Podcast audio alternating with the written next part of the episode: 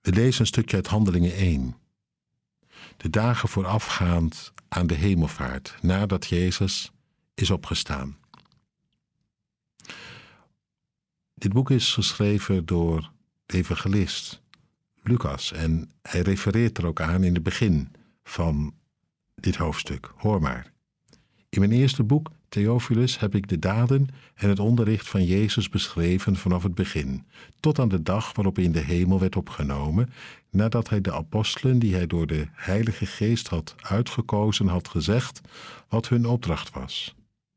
Dat hij leefde, heeft hij hun na zijn lijden en dood herhaaldelijk bewezen door gedurende veertig dagen in hun midden te verschijnen en met hen over het koninkrijk van God te spreken.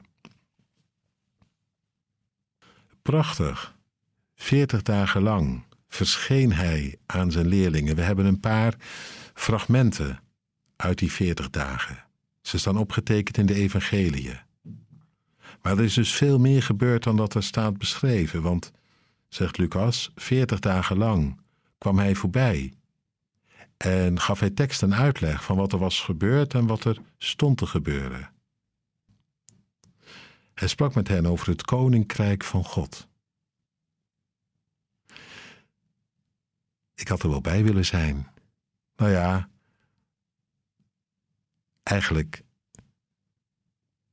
als je goed in het Nieuwe Testament gaat lezen, dan krijg je daar alles zwart op wit uitgeschreven, wat er toen ongeveer voorbij gekomen moet zijn. Dus nee, denk maar niet dat je wat gemist hebt.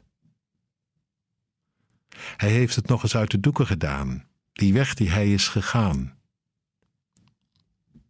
die onontkoombaar voor hem was, omdat de mensen niet van hem waren gediend, maar dat hij juist daardoorheen, door aan, toen hij aan een kruis terechtgekomen was, verzoening deed, de vloek heeft weggenomen, de ban gebroken, vrede met God heeft bereid dat je thuis kunt komen bij God. Dat er nooit meer iets opgeruimd hoeft te worden, omdat het is volbracht. Ik denk dat ze het keer op keer hebben willen horen om het een beetje te kunnen bevatten, want het was wel een heel nieuw verhaal, al was het vervulling van het beloofde. In dat ene offer werden alle andere offers van voorheen een werkelijkheid. Dus nee, het was niet een heel nieuw verhaal, maar wel anders dan tevoren.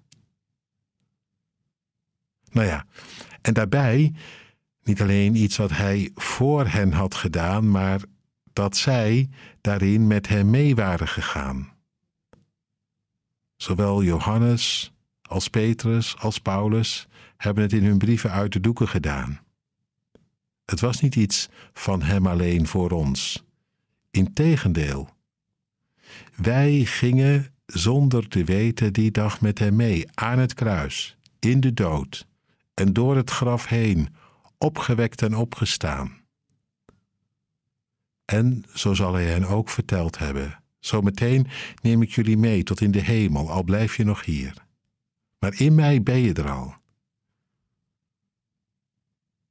Het koninkrijk dat zal nog even wachten. Maar intussen breekt het ook door. In jouw denken, in jouw leven. Met mij gestorven en opgewekt, vervuld met mijn Heilige Geest, kan het niet anders. Of het oude is voorbij en er begint iets heel nieuws te gloren in jouw leven, in denken en doen. Die boodschap. Daar mag je niet alleen van leven, maar die moet ook worden uitgedragen. Dit maakt het verschil. Dit doorbreekt het grauwe, het eentonige, van altijd weer hetzelfde oude liedje. Dat van mij. Dat is niet alleen voor jullie. Ik wil dat jullie ermee de wereld ingaan. Totdat ik kom. Zoiets.